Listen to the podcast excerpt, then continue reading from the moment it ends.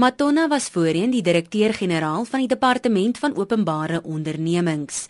Die woordvoerder van Eskom, Andrew Etzinger, sê sowel Matonna as Machila sal die volgende maand saamwerk. Dit sal 'n maand oorgangsperiode wees en, en dit is natuurlik nodig om ons waarnemende hoof 'n uh, kans te gee om die nuwe hoof in te lê en al die aspekte van die besigheid en verskillende elemente wat oorgehandig moet word. So niks verkeerd daarmee, so vir volgende maand sal albei hoofde die in die, in die nuwe saamwerk in die kantoor. Intussen luister onafhanklike energiekenner en konsultant Ted Blom die uitdagings wat Matona dringend sal moet aanpak.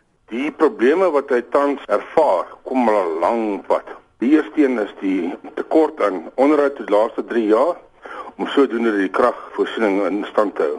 Tweede belangrik is die steenkooltekort. Teen 2018 'n tekort in die Witbank en Middelburg omgewing van ongeveer 60 miljoen ton per jaar steenkool wees. Die nuwe steenkoolvelde wat uitgewys is, is in die Waterberg en daar's nie 'n direkte pad nie. Die derde tekort is tekort aan spoorvervoer, wat ons nou genoem het. Die vierde tekort is dat, dat daar 'n tekort aan kragopwekkingskapasiteit is. En uh, 50 gigawatts se nuwe kapasiteit wat gebou moet word in 15, 16 jaar is gelykstaande aan 10 medupies in daardie tydperk. Ek dink dit is onmoontlik nie. Uh, volgende tekort is die kontanttekort van om en by 255 miljard rand. Die, die volgende tekort is dat daar 'n uh, drastiese watertekort is. En dan die laaste probleem wat ek op gesien het met Eskom se volhoubaarheid is dat sy kostes besig is om weg te hardloop. Behalwe die kapitaalkoste van Medupi en Kusile wat wesentlik meer gaan wees as wat begroot is destyds, is daar ook dan die addisionele steenkoolkoste van om en by R600 per ton. Die nuwe persoon wat Eskom gaan leiding gee, sal definitief maatreëls in plek moet stel om ten minste die koste van Eskom se krag te halveer. Blom sê Matonna het nie genoeg ervaring nie. Probleem is dat die nuwe inkomende uitvoerende hoof nie ervaring het nie. Hy het nie privaat sektor ervaring nie en nog minder elektrisiteitssektor ervaring. Hy was nou wel vir 3 jaar in die hoof as direkteur-generaal van die departement gewees.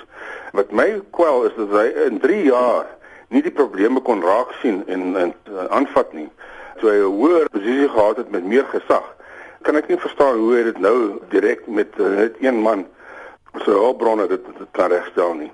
Maar uit die aard van die saak, as daar bekwame mense aangestel word met 'n visie en weet waarvan hulle praat, dan kan hierdie probleem ernstig gestop word binne 12 maande en daar kan binne 3 jaar in die vooruitsig wees dat ons weer by 'n ordentlike tarief kan wees.